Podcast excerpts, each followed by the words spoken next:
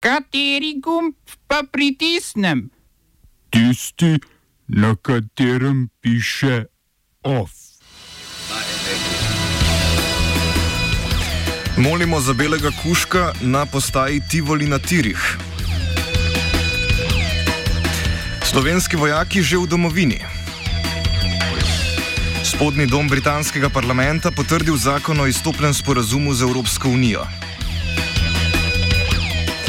Indijsko vrhovno sodišče odločilo, internet v Kašmirju izključen nelegalno. Premjeri v Ludkovnem gledališču Ljubljana in v kinu Šiška.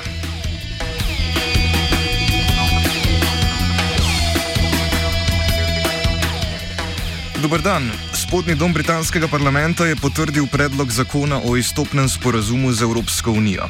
V tretjem branju zakona so poslanci s 330 glasovi za in 231 glasovi proti uresničili želje predsednika vlade Borisa Johnsona in tlakovali pot izstopu Združenega kraljestva iz Unije. Zdaj obravnava predloga zakona čaka še zgornji dom parlamenta oziroma Lordsko zbornico, v veljavo pa bo stopil, ko bo zakon podpisala kraljica Elizabeta II. Če bodo lordi sprejeli predlog zakona, se bo 31. januarja za Združeno kraljestvo pričelo 11-mesečno predhodno obdobje oziroma prehodno obdobje, v katerem bodo uskladili mnenja o bodočih odnosih z Evropsko unijo. To se, kot v primeru izstopnega dogovora, lahko vedno podaljša.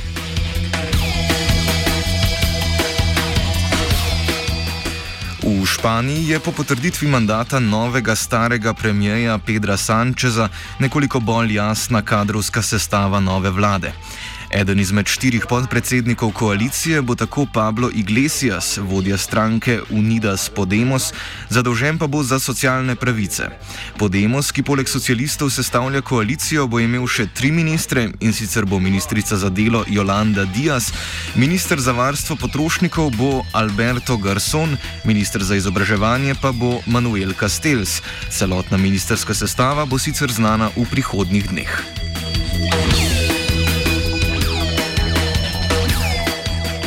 V Španiji odmeva še odločitev španskega vrhovnega sodišča. To je namreč odločilo, da nekdani katalonski predsednik Oriol Junqueras ne sme biti izpuščen iz zapora, kljub temu, da je sodišče Evropske unije odločilo, da mu pripada poslanska imuniteta. Junqueras je bil namreč izvoljen za evropskega poslanca, a funkcije ni mogel zasesti, ker je bil aretiran zaradi vloge pri gibanju za katalonsko odcepitev. Sodišče je mnenja, da vprašanje njegove imunitete ni več relevantno za njegovo obsodbo na 13 let zapora, saj je ta že postala pravnomočna.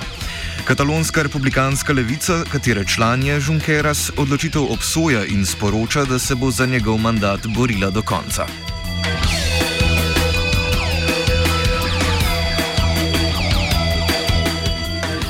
Šest pripadnikov tretjega kontingenta slovenske vojske se je iz Erbila v Iraku po naraščanju napetosti na Bližnem vzhodu srečno vrnilo v domovino. Iz Ankare so se narodno grudo pripeljali z vladnim falkonom, potem ko se nemška vojska vendarle ni odločila za umik. Prvotni načrt je namreč bil, da se v Evropo vrnejo skupaj z nemškimi sodelavci.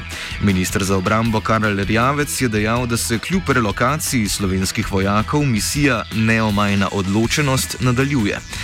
Nova šesterica bo z delom v Erbilu pričela 1. februarja, kot je bilo načrtovano že pred iranskim raketiranjem oporišča. Naloga slovenskih vojakov v Iraku je predvsem izobraževalne narave, iraško-kurdske oborožene sile Pešmerge učijo rokovanja z orožjem. Dogajanje na Bližnjem vzhodu z perspektive Evropske unije je danes zjutraj ob rogličku in kavi osvetlil evropski poslanec Klemen Grošelj iz skupine Prenovimo Evropo. Kar se tiče bližnjega vzhoda, kar se dogaja, pravzaprav pričakovano, zdaj smo temu velikem plinskem finalu, če tako rečem. Uh, se pravi, um, tukaj bo zdaj za Evropsko, Evropsko unijo pravzaprav vključen izziv to, ali bo sploh pripuščena k ameriško-iranskim pogajanjem, ki očitno že v zadju poteka in ta igra vojaško-diplomatska že intenzivno teče. Treba je, da Iran pač ima druge največje plinske zaloge. In igra je glede tega zdaj, ne, da se ne bomo delali iluzij. Zdaj tukaj imamo vprašanje Libije, kamor se je Turčija intenzivno začela upletati. In to je zopet en tak zonanje politični izziv, na katerega naš a, skupni predstavnik niti predsednik uh, sveta nimata pravzaprav odgovora, ne, pravzaprav priznavata, da nismo zraven. Ne, in to je velik izziv za Evropsko unijo, ker je to vezano na zeleni svežen, kjer so nekateri idealistično pričakovali, da zeleni svežen pravzaprav pomeni um, konec teh geopolitičnih zgodb, pravzaprav pa pomeni začetek zelo silovitega obračuna, kdo bo tisti, ki bo dobavljal in kdo bo tisti, ki bo plačeval. Države so pač tukaj noter pred dvema izbirama kako bodo ta, to tranzicijo pač energetsko spravili skozi. Prvo je, ali bo to plin, ko se je Nemčija odločila, če smo zelo odkriti, Francija se odločila, da se bo opirala na jedrsko energijo, ne, in seveda zdaj ta plin je tukaj zdaj glavna, glavni adut in to moramo vedeti, da bo pač zacementirali zadeve za naslednjih 30 do 40 let. Za razliko od tretjega kontingenta slovenske vojske ostajamo na Bližnem vzhodu. Rusija in Turčija sta razglasili premirje v boju za sirsko provinco Idlib, zadnjo postojanko sirskih upornikov. Po dogovoru bo sirska vlada nehala z bombardiranjem mesta Idlib in dovolila dostop humanitarni pomoči. Zaradi ofenzive zavezniških sirskih in ruskih sil je iz mesta zgolj v decembru v Turčijo pobegnilo okoli 300 tisoč ljudi, medtem ko sirsko vlado podpira Rusija, upornike podpira Turčija. Ta se je za premirje pri Rusiji zauzela tudi zaradi dodatnega pritiska beguncev.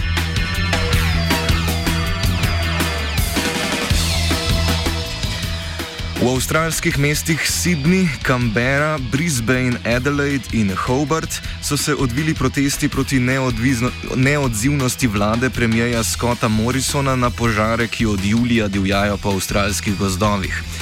V tem času je zgorelo 10 milijonov hektarjev ozemlja in po ocenah poginila milijarda živali. Usporedne proteste so organizirali tudi okoljski aktivisti v Nemčiji pred poslopjem podjetja Siemens zaradi njegove vloge pri avstralskem rudniku premoga. Protestniki, ki so jih na ulice zmobilizirali študenti, so zablokirali glavne dovoznice v mesta in Morrisona pozivali k odstopu. Slednji sicer trdi, da je za požare kriva triletna suša, ne pa, ne pa njegove politike. Te so sicer usmerjene v razvoj agrarne proizvodnje, ki porabi med 50 in 70 odstotki porabljene pitne vode. Od tega 90 odstotkov za irigacijo in močno prispeva k sproščanju toplogrednih plinov. Dalje je Avstralija največja izvoznica premoga in utekončinjenega zemljskega plina na svetu. Poleg tega je lani odstopila od pariškega podnebnega sporazuma. Avstralija sicer v odgovor na izredno sušo namerava postreliti 10 tisoč kamel, ker naj bi popile preveč vode.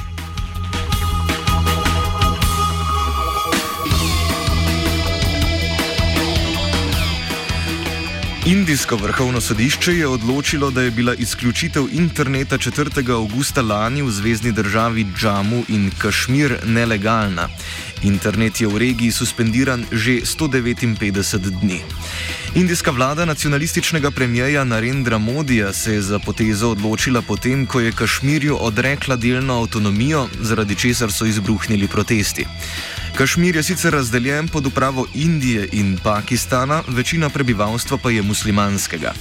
Odpravo dostopa do interneta je vlada utemeljevala z možnostjo ohranitve miru v regiji, a po besedah sodnikov gre vseeno za velik poseg v temeljne pravice do komunikacije. Oba, če, če bom odgovoril na angliški. Slovenija bo poskušala pomagati. Slovenija bo naredila naš utmost, da bo rekla, da je situacija naš problem, sami.